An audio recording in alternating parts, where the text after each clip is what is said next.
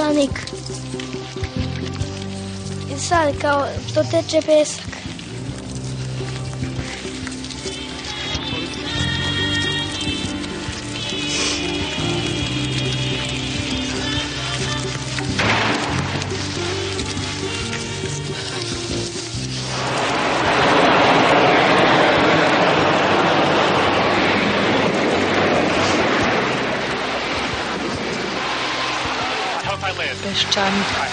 It's coming down on me.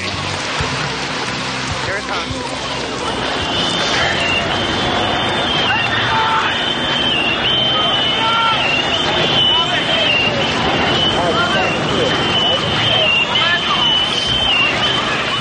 This Peščanik. disbelief, terrible sadness, and a quiet, unyielding anger.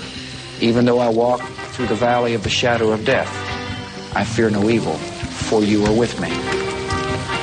None of us will ever forget this day, yet we go forward to defend freedom and all that is good and just in our world.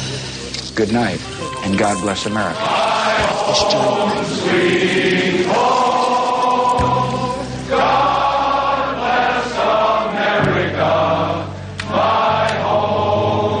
الله أكبر أشهد أن لا إله إلا الله أشهد أن لا إله إلا. الله.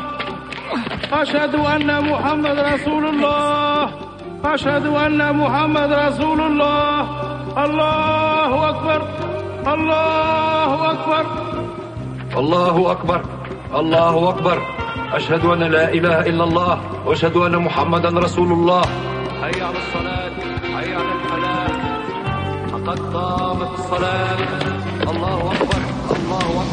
لا إله إلا الله الله أكبر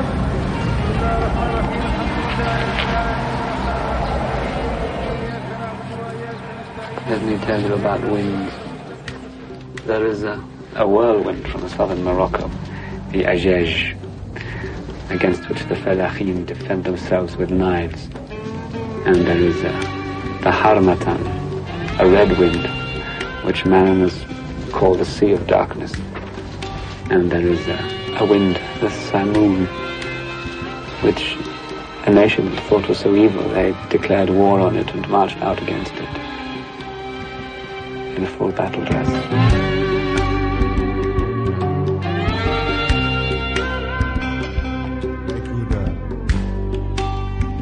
Dan, počeli smo sa ovom špicom od ranije, tek da se podsjetimo neprijetne činjenice da nismo sami u svetu, da se podsjetimo 11. septembra, dana kada je, kako se stvari razvijaju, zakazan randevu sa planetarnom katastrofom.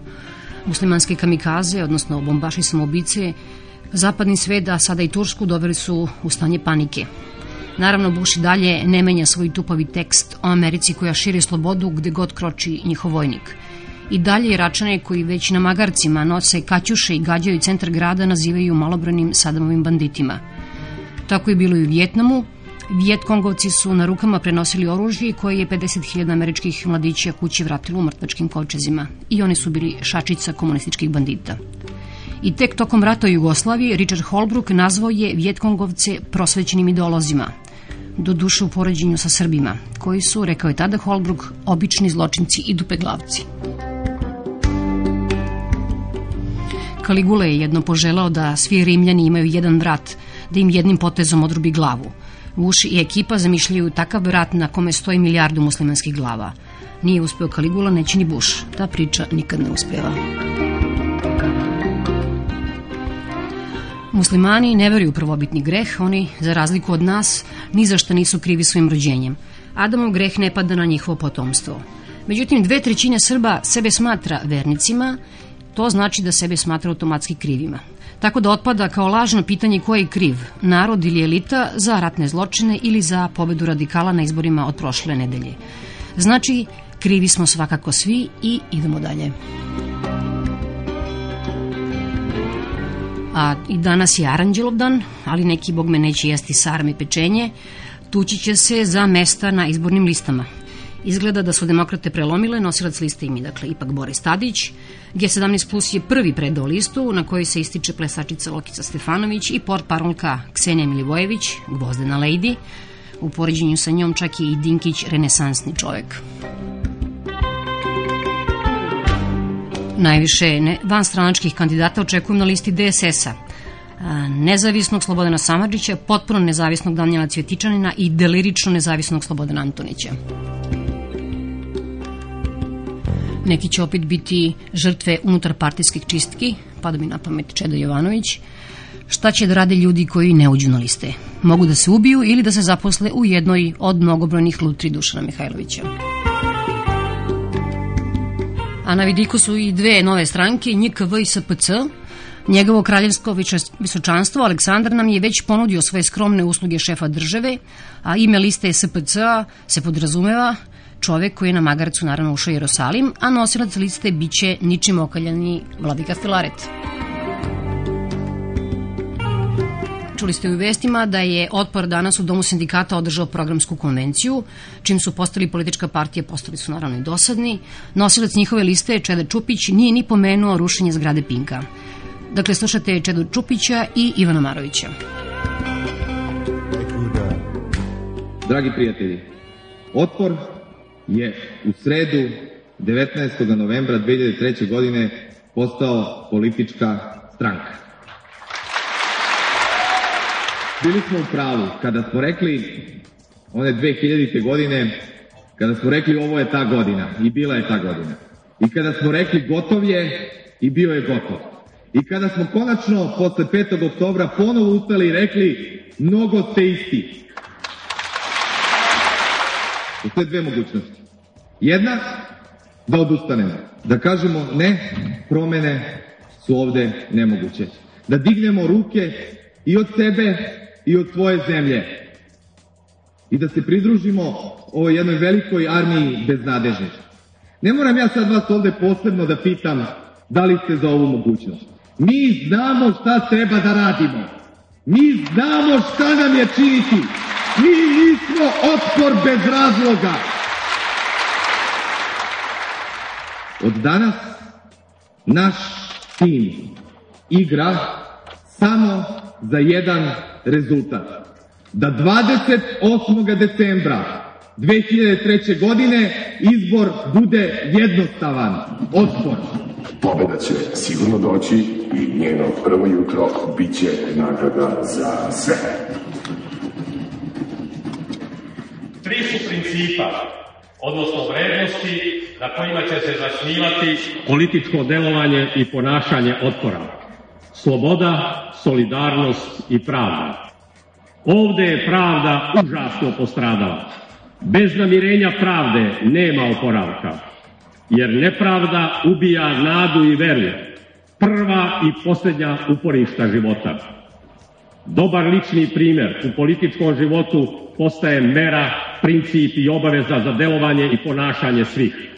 Ko ide protiv toga, lako će se prepoznavati i obeležavati, a uskoro će ga stići i zaslužena kazna. To će naši građani prepoznavati i na izborima kažnjavati. Članovi i predstavnici otpora će ličnim dobrim primerima trasirati put za novo i bolje delovanje i ponašanje u politici. Insistirat ćemo na političkoj odgovornosti i oporavku i funkcionisanju dva važna politička sredstva, ostavci i smeni. I na kraju moja lična poruka. Nema tog partijskog razloga i naloga zbog kojeg ćemo principe i obećanja dovoditi u pitanje, niti naše lično dostojanstvo i moralno zdravlje narušavati.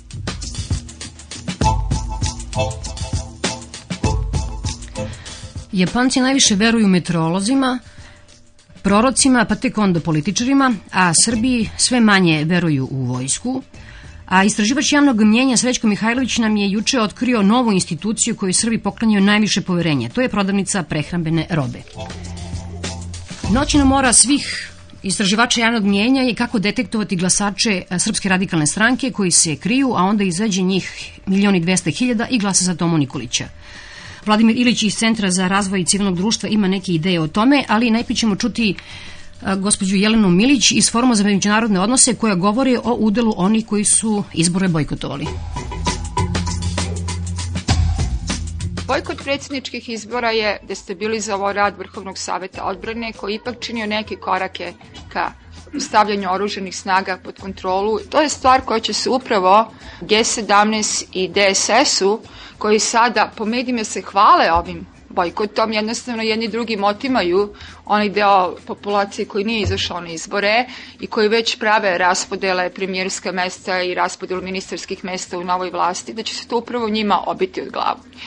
Mislim da je nužno da oni shvate da je međunarodna pomoć uslovljena, da bez obzira šta neko proglašavao svojim nacionalnim ili partijskim programom, da su svi ti programi u stvari definisani okvirom uslova od jeli, najnovih za izradu izvodljivosti za pridruženje Evropskoj uniji, pa do ulazka u partnerstvo za mir i tako dalje. Na svu sreću smo bar u Savet Evrope ugurani od strane gospodina Mićunovića, što su DSS i G17 elegantno zaboravili i diskvalifikovali. To je jedna velika vrednost, stvari jedini međunarodno politički uspeh koji smo mi imali do sada.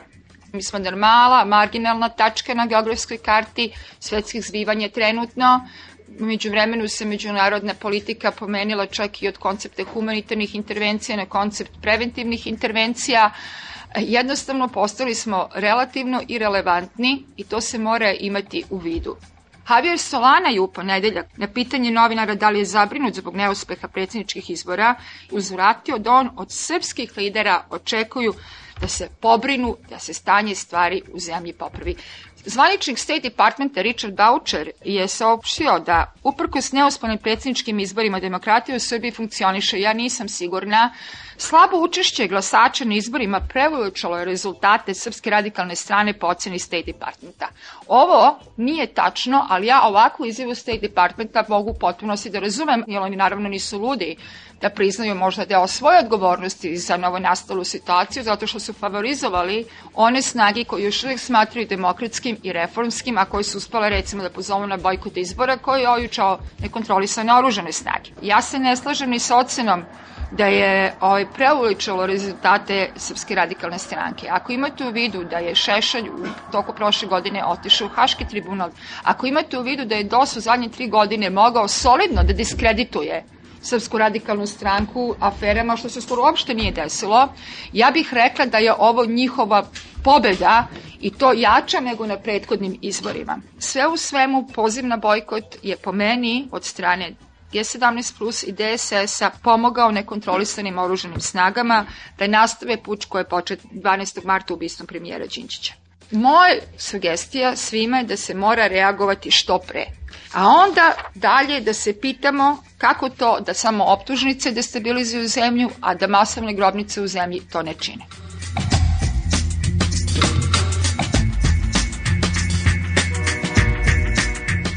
Ali radikali nam izmiču. Radikali imaju svoju anketu na izborima i na svakim izborima rezultati ankete radikalskih birača korenito su drugačiji, nekada gotovo i oprečni, prognozama različitih istraživačkih instituta i agencija.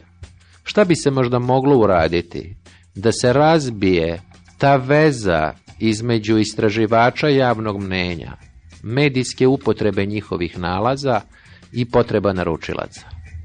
Naši mediji, naše agencije i instituti, naši politički činioci značajno odstupaju u svojim pričama od opredeljenja ogromnih grupacija tranzicijskih gubitnika. I radikalski birači, koji kriju da su radikalski birači, u istinu ne greše kada u istraživanjima prepoznaju delatnost onih koji su tranzicijski dobitnici onih koji su nosioci reforme. Kako probiti taj zid čutanja i neistine? Ja ću sugerisati nekoliko momenata. Politička teorija pruža jedan vrlo upotrebljiv analitički pojam u proučavanju biračkog ponašanja. To je pojam javnog neprijatelja. Navešću poznat primjer, da je Srpska radikalna stranka za svoje glavne neprijatelje uvek isticala loše Srbe, od narođene Srbe, Srbe kosmopolite, Srbe mondijaliste, a tek potom etničke rivale. Primenom ovakvih analitičkih kategorija postiže se pouzdano i precizno diferenciranje ekstremne desnice od izrazite desnice, pa od umerene desnice, pa od desnog centra. Ovo se u praksi gotovo ne sreće. Još nešto, može se ići na indirektne strategije. Kad bi se birači pitali da li bi bili voljni da izdrže par godina sankcija u odupiranju zahtevima Haškog tribunala, tu se jasno uočava razlika između odgovora pristalica radikalne desnice i onih koji pripadaju umerenijoj desnici. Još nešto. Naš radikalizam je sindrom i to sindrom sa čvrsto spletenim sastavnicama. Te sastavnice su ksenofobija, etnonacionalizam, egalitarizam. Posljednjih meseci etnonacionalizam stagnira, ali egalitarizam raste. Kad pitamo građane kojim se oblik privatizacije čini najprihvatljivijim, vrlo se često vidi da se oni opredeljuju pre svega za društvenu svojinu. Kada ih pitamo koji je poželjan raspon primanja u Srbiji, vrlo često zagovaraju komunistička rešenja.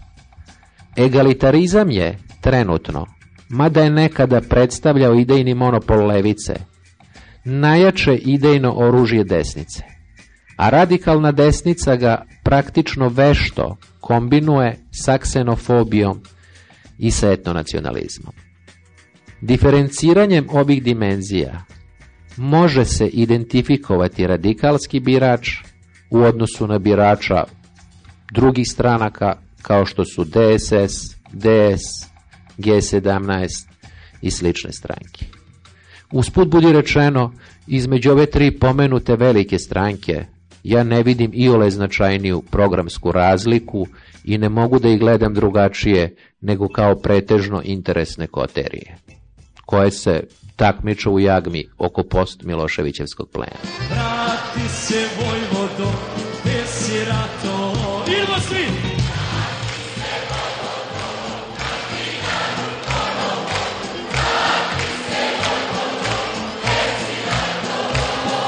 Bravo, idu dalje! Šupaj srce, kidaj! Očekujemo da radikali pobede red je jednom, jer ovi su kriminalci glave došli. Vlada onak trebali bi traže sve iz Haga da se vrate i završe, nema tu ništa. Moguće je zarobiti sve njine u Beogradu i onda tražiti u roku 48 sati da se vrate i završeno, nema tu šta. Srpski narod ima želju da se vratiš spasitelju, spasitelju. Daljina da nam dođeš, da dinarom opet prođeš, opet prođeš. Vrati se Vojvodo, na dinaru ponovo, vrati se Vojvodo, desiće to. Razlika između radikalizma i patriotizma ima jedan smisao u zapadnoj Europi, a drugi na Balkanu. Radikalni etnonacionalizam u zapadnoj Europi znači premlaćivanje gastarbajtera, a na Balkanu znači višegodišnji rat međusobno vrlo srodnih etničkih grupa. Drugo, posljedice NATO bombardovanja kao činilac koji usmerava stanovništvo ka radikalnoj opciji. NATO bombardovanje je na jednoj ravni kolektivne svesti zaboravljeno, na jednoj ravni. Ali je NATO bombardovanje otkrilo, kao u ostalom i pad Republike Srpske krajine, nešto drugo. Da nema etničke solidarnosti. U vreme kada je litar nafte koštao za Srbijance Marku i po, mi smo je ovde naftu u Srbiji naplaćivali našim sunarodnicima sa Kosova i Metohije po dve i po marke.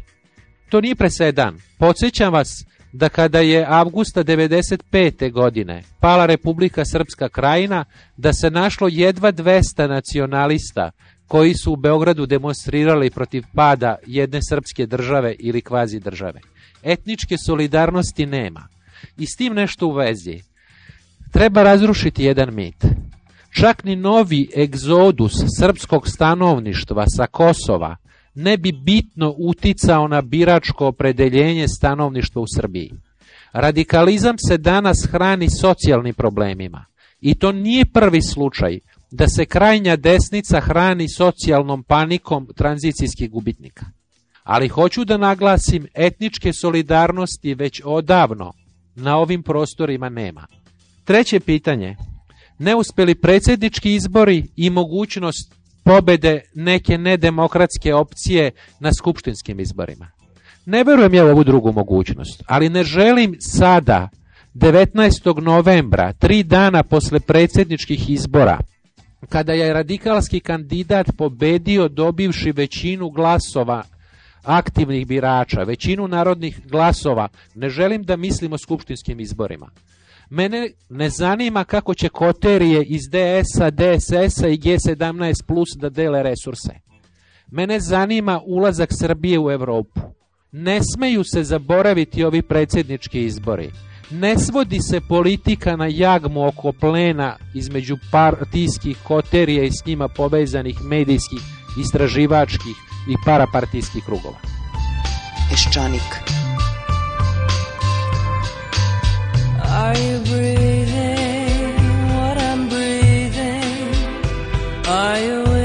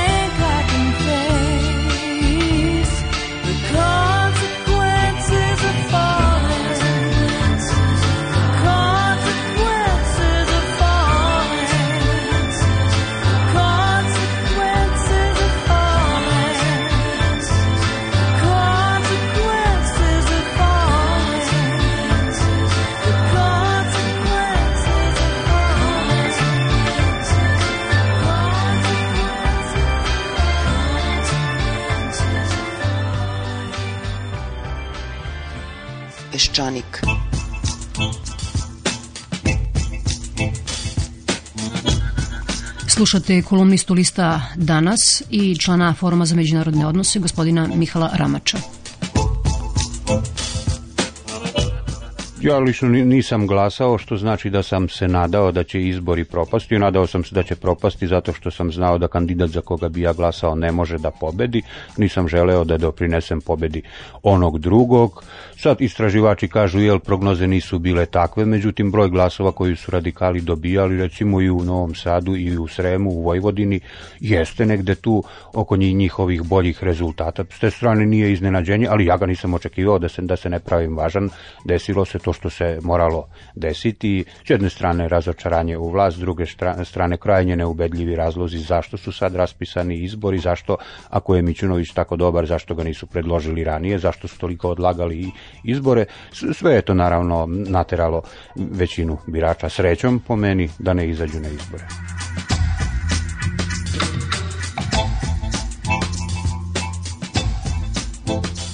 Pomenuli ste krug dvojke. U Novom Sadu postoji krug oko Banovine, manje više većina ovdašnjih političara je tu i smeštena, sedišta političkih stranaka i svi oni misle da se ceo svet počinje i završava se sa njima, oni se nešto dogovore, oni nešto kažu i misle da je tako, vrlo redko idu što bi se nekad reklo među narod. Sede tu i zabavljaju se nekim svojim pričama, dođu, razbiju neku tablu na televiziji i prave od toga nek, neki herojski podvig i to su manji, više njihovi krajnji dometi, a veći deo biračkog tela, pre svega srpskog je vezan za Beograd. Pre svega Srem, što kažu, apsolutno gravitira Beogradu, zbog svih ovih ratnih zbivanja Srem je uvek bio blizak ovim radikalnim strankama i radikalno i konkretno, ali uopšte ovim strankama sa jakim nacionalnim predznakom. Moguće da je to i deo tradicije graničara, Srem je ipak dugo bio granica. Što se tiče ostalog dela Vojvodine, mađarsko biračko telo je manje više homogeno, ostale manjine se uvek priklanjaju nekoj od građanskih varijanti, recimo manjine su, mislim, 2000. bile presudne da pobedi Koštunica, manjine u Sanđaku i u Vojvodini, jer ostalo je bilo negde 50-50, manjinski glasovi su odlučili, manjine su opet e, glasale masovno za Labusa i, i sad baš danas gledam po, po opštinama neke izveštaje tamo gde po Vojvodini, tamo gde su manjine po pravilu pobeđuje Mićun, tamo gde su Srbi pobeđuje Nikolić. Kako sa Novim Sadom? U Novom Sadu za nekih 500 glasova čini mi se Mićunović pobedio. Samo? Tesno, znači samo pola procenta ili tako nešto, a mislim da je u glasovima stvarno samo 500 ili 600. Pa znate šta, jedno je Novi Sad krug dvojke, što bi rekli, odnosno Novi Sad gradsko jezgro koje je bilo od 91. ako krenemo za Ivana Đurića, pa kasnije za Milana Panića, pa opet kasnije za Vojislava Koštunicu. Kad se saberu i okolna naselja, onda je slika sasvim drugačija. Radikali imaju, pogotovo u ovim prigradskim naseljima koja su nastala 90. godina, takozvana divlja naselja koja više nisu divlja, ako tamo stanuje 50 ili 60 ili možda čitavih 100.000 ljudi koji su došli ovde tokom posljednje decenije, oni glasaju drugačije, glasaju upravo za tako kako su i sada glasali. Ja potpuno razumem te ljude šta su oni preživljavali. Tih deset godin, godina, ne mogu da razmišljaju na jedan način na kakav se recimo tradicionalno razmišljalo u Vojvodini, znači da život počinje od proizvodnje, od njive, od, od fabrike, od zarade, neko ova država nam je posljednja nada, spremno zna ako treba na spartanska odricanja, na asketski život, samo da se sačuva ova i ovakva Srbija. I naravno onda Čankove ili nečije priče o autonomiji Vojvodine, pa još podgrevane deset godina kampanjom Čanak je hoće da proda Mađarima Vojvodinu i tako dalje. Kod tih ljudi je stvorilo jedno čvrsto ubeđenje koje se ne, ne menja i ne, neće se menjati bar u toj generaciji.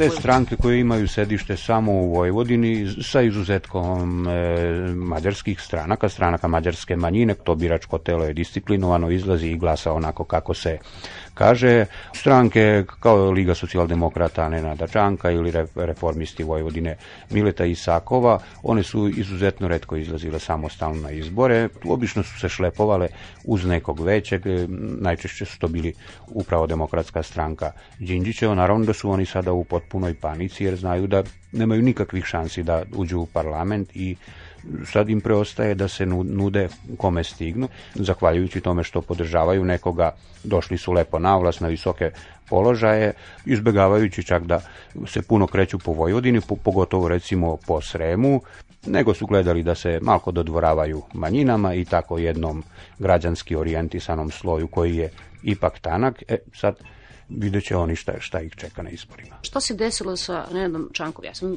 bez obzira na sve, bila iznenađena kad sam ga videla na onom protestu policajaca. I na tom protestu policajaca, ako se sećate, ono razbijanje table RTS-a sa sve u, u pratnji 50 novinara, pa su, ako još treba da se razbije tabla, trebalo je da se razbije 6. oktobra, ali trebalo je istog dana postaviti nekakvu novu na televiziji, ni danas nema nikakve table, što je upravo najbolje merilo njegovog rada. Šta si uradio, lako je razbijati, tako i to je jedan efektan potez kojim naravno niko ništa nije postigao, jer osim malo medijske pažnje malo, mislim da je to ja, jako naškodilo njegovoj reputaciji i ne, nesporna je njegova uloga 90. godina u vreme Miloševićeve, Miloševićevog rezima kad je mnogo, mnogo puta govorio ono što mnogi drugi, većina nije smela, međutim od kako je došao na vlast i od kako se povezao sa određenim finansijskim krugovima u Novom Sadu, Ljudi kažu da je to drugi čovek, ja se slažem s takvim mišljenjem.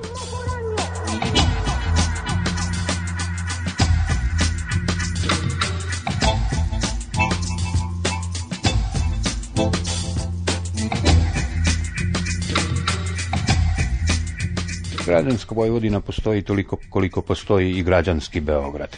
Jeste da je Vojvodina pripadala tom nekom srednjoevropskom kulturnom i civilizacijskom krugu, međutim bilo je to jako davno, ipak je niklo nekoliko generacija u socijalističkoj ili komunističkoj Jugoslaviji, ipak je Milošević ostavio duboke rane baš na vojođanskom društvenom tkivu, tako da danas je to jedna drugačija Vojvodina i kažem, lepo je čuti, pogotovo političari kad laskaju biračima kao Vojvodina je nešto drugo, Vojvodina jeste nešto drugačija, ali nije, očigledno nije nešto toliko drugo i lepo je opet bilo slušati Đinđića kad kaže lokom, Vojvodina je ta lokomotiva koja će da povuče, međutim ne zna se ni šta treba vući i ja ne bih gajio takve iluzije kod birača da Vojvodina može čime jednom propalom poljoprivredom sa propalim šećeranama, ne, ne znam sa čim trećim nema apsolutno teorije sa propalim hidrosistemom i tako dalje. Daj Bože bilo bi lepo, ali prazna priča.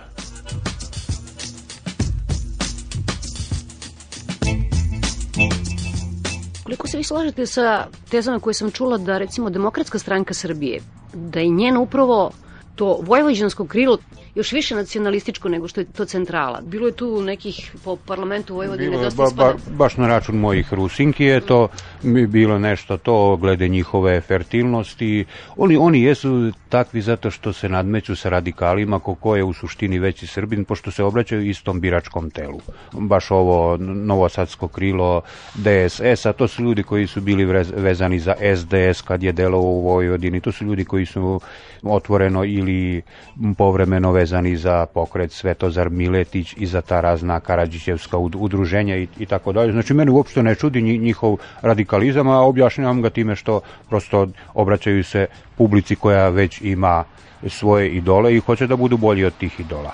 A šta je sa G17 plus u Vojvodini, po vašem mišljenju? Ja znam da tu i tamo ima opštinske odbore, međutim i u Novom Sadu i ostalim gradovima nisam čuo da je uspela da okupi neka imena od značaja i ugleda. Ko je hteo da se bavi politikom, taj je negde već uključen u politiku kad se G17 pojavila. Naravno, njoj je strahovito potrebna infrastruktura i to takvih prosto na političkom tržištu slobodnih ljudi ima jako malo i plašim se da su oni primorani da skupljaju prosto ostat, kadrovske ostatke neke. Ko je predsednik recimo gradskog odbora, li znate G17 plus u Novom Sadu? Mm, čuo sam ime, ali verujte, poznajem par stotina ili možda par hiljada ljudi u Novom Sadu po imenu, prezimenu i struci, to ime sam jednom ili dva puta čuo, nažalost ništa mi ne, ne kazuje, ali i pitao sam neke ljude opet ko je taj, pa kao neki inženjer, znaš, on je negde bio u Spanića, stvarno ime mi ne znači ništa, što je jako loše za stranku, znam imena predsednika većine gradskih odbora u Novom Sadu, to je nevolja stranke. Kako kažem, zakasnila pojava na političkom tržištu prosto.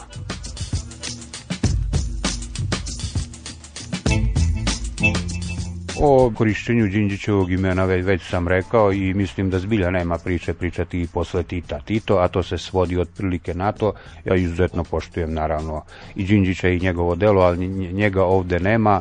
Njegovo delo se ne može nastaviti na način na koji bi ga on nastavio, da je mogao, može se na neki drugi način, prema tome zbilja, zbilja nema potrebe. Što se tiče da idu sami, ja mislim da je to za demokrate bolje, to je stranka sa relativno dugom tradicijom, sa dobrom infrastrukturom, ima kadrove koje može da predloži. Ja mislim da se oslobađaju balasta, s te strane ih potpuno razumem, mnogima se to ne sviđa, kao on bi glasao za njih da je s njima, ne znam, Svilanović, da je s njima Isakov, da je s njima Čanak, Čović ili bilo ko. Međutim, ja mislim da je vreme da se profilišu i, i da isprobaju kakvi su sami. Da su u Vojvodini krenuli recimo sa Mađarima od strane ovih e, radikalnih stranaka bila bi osuta paljba, evo opet paktirate sa Mađarima, zato kažem razlog je, jeste pragmatičan, može se na njega gledati i, i ovako i onako, ali oni u suštini hoće da vide koliko sami imaju, koliko sami mogu, naravno da će tu neki biti žrtvovani, odnosno neki ljudi koji su recimo za varijantu Građanskog saveza Srbija koja je meni jako bliska izborni programi mi baš, osim radikal, radikalskog kojeg sam vidio, ne, nekih stranaka mi nisu poznati, ali čini mi se da se neće puno ni menjati. Da li će biti prilagođeni recimo i onom biračkom telu koje razmišlja malo više građanski, malo više evropski ili će se većina tući za one glasove koji počinju od prošlosti, koji počinju uvek priču od Kosova, od Republike Srpske i ne, ne znam, od Haške nepravde i tako dalje. Ako se svi krenu da se grupišu oko toga, on, onda nam nema pomoći kogod pobedio. Man, ljudi moji, sad sam čitao u novinama 30 godina kako je počela kiparska kriza na Kipru i dalje sede Ujedinjene nacije plavi šlemovi. Prema tome nemojmo se zavaravati, moje pokoljenje, pokoljenje Tome Nikolića i Živkovića neće biti na političkoj sceni kad se bude rešavala situacija Kosova. Svi koji pričaju da će ga rešiti za pet ili deset godina, neće, to će se rešiti kroz nekih 20, 30 ili koliko godina, ja ne znam kako, ali ne treba zamajavati ljude, ni oni koji, one koji tamo žive, ni oni koji su izbegli, ni sve ostale u Srbiji, da će nek vlada, ova ili ona vlada uticati na rešenje kosovskog pitanja pitanja.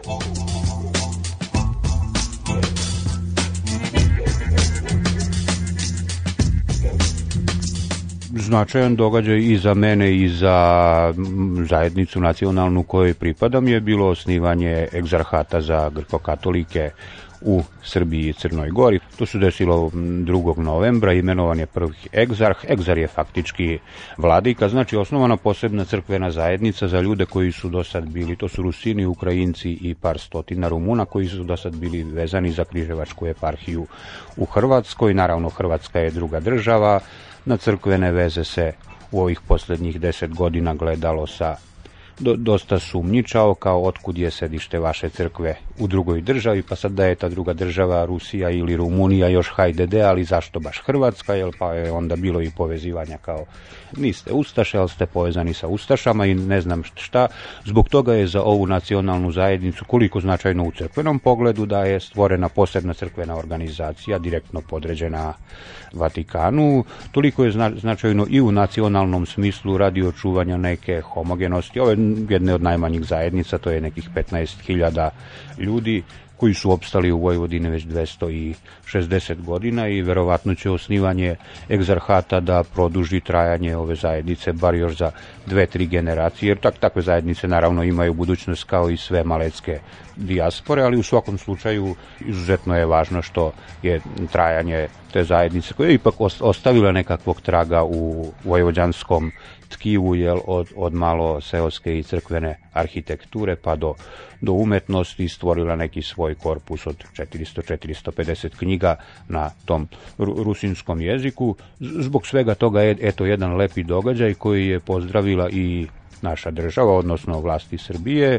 i što je izuzetno važno i Srpska pravoslavna crkva, odnosno episkop Bački Irine je, je o tome jako pohvalno rekao, odbacivši time neke tvrdnje, čak i u štampi da se radi o unijačenju Srba, sad, naravno da se pitam kako bi 15.000 Rusina moglo da prevede na katoličanstvo nekoliko miliona Srba, I zbog toga mi je drago što je se vladika Irine i javno oglasio i rekao da nema apsolutno nikakvog straha od takve zajednice i da Srpska pravoslavna crkva sa grko-katoličkom crkvom, odnosno crkvom katolicima vizantijskog obreda, održava bratske odnose kakve dolikuju hrišćanima.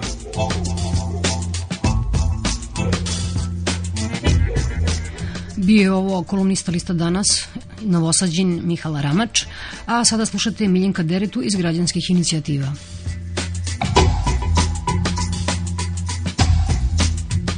Zastrašujuće, moram da kažem, deprimirajuće. Podsjetili su me na ono što naravno nisam doživjela, o čemu sam čitao, to je Nemačka 30-ih, gde je isto tako, to je za Nemce, nije, to je, oni su jedan fin narod, kulturan, vole pesmu, opere, Wagnera, sve će to proći, ali me možda više čak od samih rezultata deprimirala odsustvo prave analize tih rezultata od strane političkih faktora. Oni koji su bojkotovali izbore naprosto se nisu ni svrnuli na te rezultate i nisu se osvrnuli na svoju odgovornost za to što se dogodilo. Čuveni legitimisti, legalisti, već ne znam kako se sve zovu, liberali i ovo ono, eksperti nisu umeli da procene koje će posledice njihovog bojkota biti. Nisu smatrali za potrebno čak da u jednoj situaciji kada se ne zna tačno koliko bi taj mandat trajao, podrže jednog kandidata prema kome, s obzirom na funkciju koju obavlja i s obzirom na ingerencije koje ima, znači to je više jedna protokolarna funkcija, ja ne vidim ko bi to bolje radio od Mičnovića. Sad bez zazora to mogu da kažem. Ja prosto ništa neukusnije od izjave ostanite kod kuće sa svojim porodicama, nemojte izlaziti na glasanje, nisam čuo od nekoga ko se zalaže navodno za demokratske institucije. Ma kakve su one danas u ovom trenutku, mi imamo situaciju da živimo u državi koja nema ni jednu instituciju, u kojoj čak ni institucija izbora ne može da prođe. Da mene pitate, ja bih čak uvao i obavezu izbora kao što to neke zemlje imaju. Znači, građani moraju da izađu da glasaju. Sada bar imaju različite kandidate. To nepisano pravilo je važilo do 90. pa i posle toga jedno vreme. Jel? Kada su se ljudi bojali da li će njihovo ime zaokruženo na spisku pokazati da su pokazali vernost režimu ili nisu pokazali vernost režimu. Sada bih ja natirao da ponovo izlaze da vežbaju demokratiju, da vežbaju posledice svog glasa.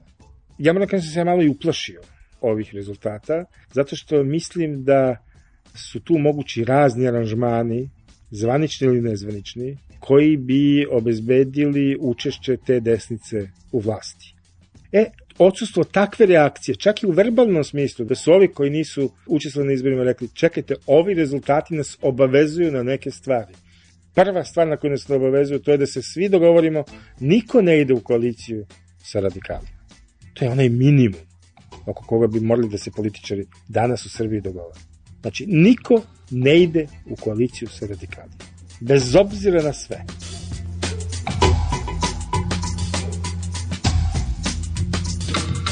Meni je jako drago da Evropa kaže neće biti zaustavljene reforme i tako dalje tako dalje, ali kad vi slušate šta vam govori radikalski kandidat, onda vi vidite da će on vrlo rado zaustaviti sve, imati narodni hleb po 3 dinara i obračunavati se sa onima koji imaju kompjutere i koji hoće u Evropu.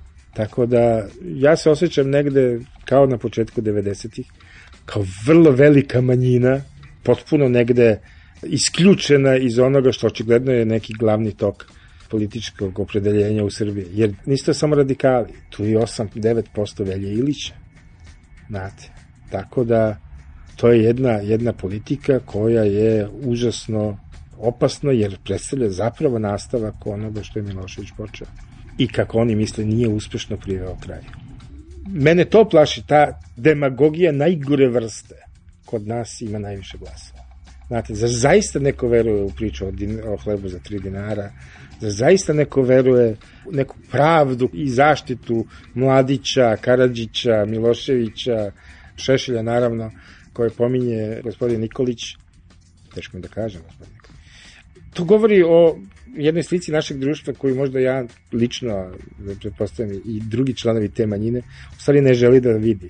Vratili smo se starim ljubavima. Na kraju će ispasti ono što je zastrašujuće reći, da je bombardovanje učinilo da se neki ljudi uplaše, pa da glasaju za opoziciju, sad kad se više ne plašimo da možemo da se vratimo ponovo na... Ali isključenje iz evropskih integracija je gore od bombe. Mi ćemo biti Albanija od nekad. Znate, vi govorite stare ljubavi, ja se izvinjavam, u ove tri godine je pravo glasa steklo preko 300.000 mladih ljudi. Nemojte mi reći da je to njihova stara ljubav. Oni nisu imali ljubav u tom trenutku. Nikako. Proces je dugotrajan stvaranje nove političke elite. On je i težak u toliko što zahteva da kažem, eliminaciju postojeće političke elite, samozvane, kako god hoćete, ali ajde, ja mislim da moramo ipak nešto da radimo po tom pitanju, ne možemo tek tako da opet sedimo po kućama i zakukavamo.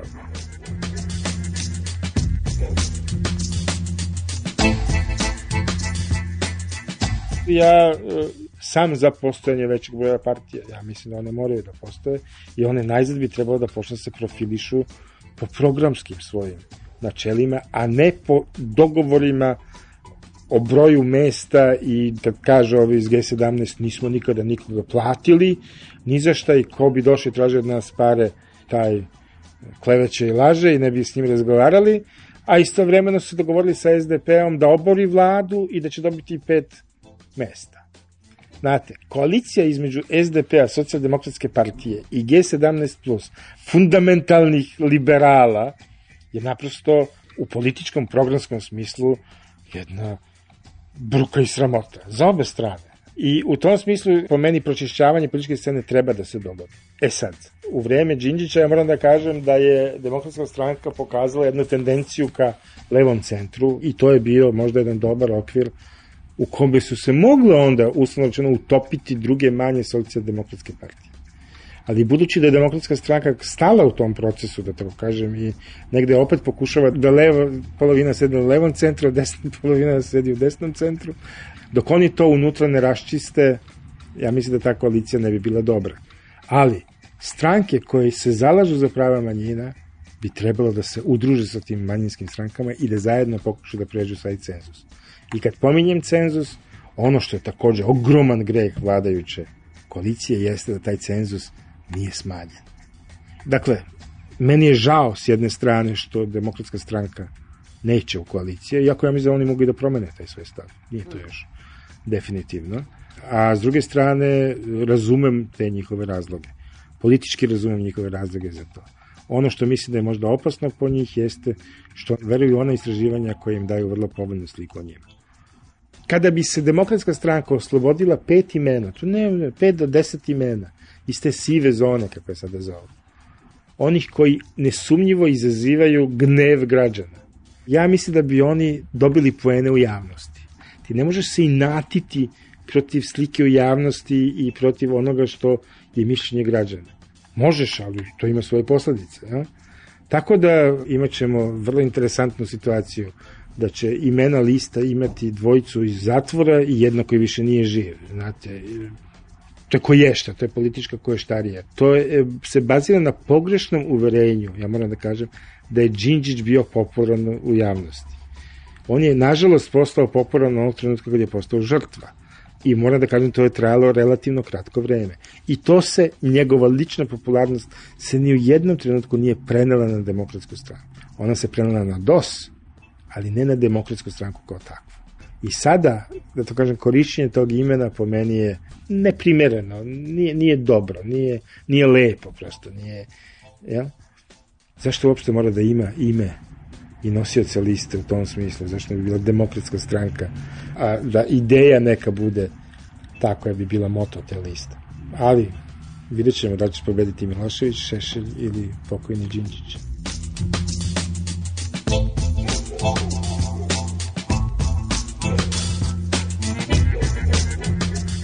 Zar zaista našoj državi ne trebaju predstavnici albanske manjine u parlamentu? Zašto bi na Kosovu onda uopšte bili potrebni predstavnici srpskog naroda na Kosovu? Šta da rade ti glasači u Preševu i Bujnovcu, Albanci? Zašto da izlaze? Za koga da glasaju? Za koga? Za Voju? Bilo koga od Voja? Za Dinkića i Labusa? Šta su im oni, da kažem, učinili za njih? Ništa. Ne znam da li su bili ikada ovdje. Ako naša demokratska opozicija nije shvatila neophodnost promene izbornog zakona u tom smislu, onda to govori da je to pitanje srpske nacionalne politike i srpskog nacionalnog interesa, da postoji oko toga mnogo veći konsenzus nego što mi mislimo. Ako išta trebalo da zabrine ovu javnost, onda je to trebalo da bude taj događaj na pravnom fakultetu. Je to pitanje depolitizacije univerziteta? Je to pitanje autonomije univerziteta? Ta vrsta, ja vam da kažem, divljanja u stvari, jedna euforije nacionalističke. Naravno, dovoljno je 250 ljudi da napuni taj amfiteatar. I to stvara zastrašujuću sliku. Gospodin Čavoški, čuveni crtač mapa, e, zaštitnik Karadžića i tako dalje, još uvek predaje našim studentima. Kako je to moguće, ja ne znam. Predaje na državnom fakultetu. Čovek čiji politički stavovi su direktno pogubni za ovu državu. I ja mislim da on više ne predaje pravo uopšte.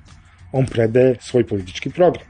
Dok mu bude dozvoljen da na taj način, koristeći autoritet profesora i položenog na fakultetu, koristi fakultet za promociju svog političkog programa, mi imamo ozbiljan problem.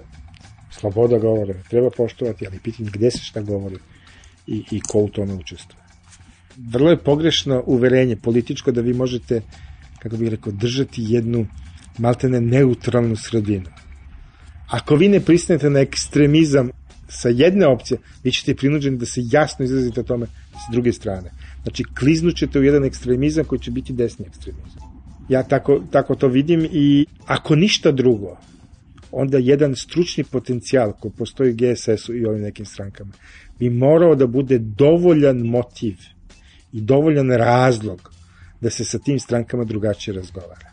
Ali upravni odbori, fotelje, plaćene, neplaćene, ovakve, onakve. Šta briga socijaldemokratsku partiju gospodina Orlića za bilo šta kad je on sebi i još četvorici ljudi obezbedio mesto u parlamentu. A to u Srbiji znači vlast, moć, uticaj, nedodirljivost u određenom smislu. Bar je oni tako doživljavaju. E, civilni sektor će se potruditi da tako ne bude.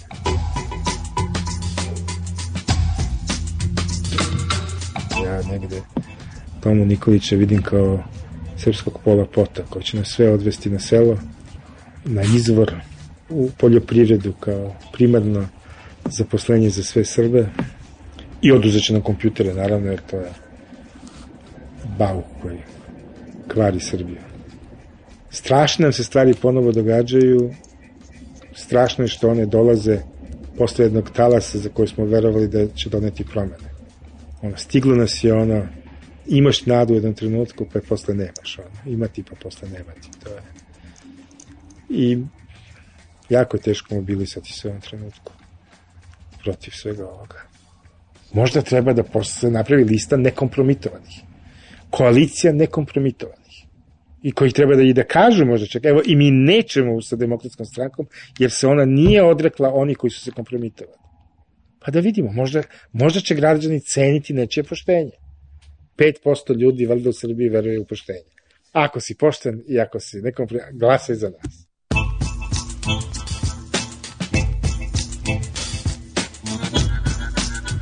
Bio je ovo Pešanik, govorili su otporaši, Jelena Milić, profesor Vladimir Ilić, Mihal Vramač i Miljenko Dereta. Za 2-3 minuta počinje naš dnevnik. Biće reći o Gruziji. Gruzici danas imaju 5. oktobar.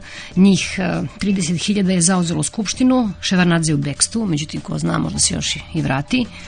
Mi smo svoj 5. oktobar potrošili, vidjet ćemo šta će oni da urade, a Hrvati imaju tu sreću što Tuđman ne može da im se vrati iz opravdanih razloga, ali sutra oni idu na izbore, biraće između njegovog Tuđmanog HDZ, Račanovog SDP-a. HDZ ima velike šanse.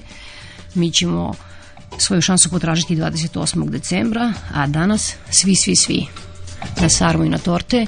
Među njima će biti i naš realizator Marko Perunović, montaža Radko Ristić, a pogotovo Svetlana Vuković i Svetlana Lukić. Prijetno.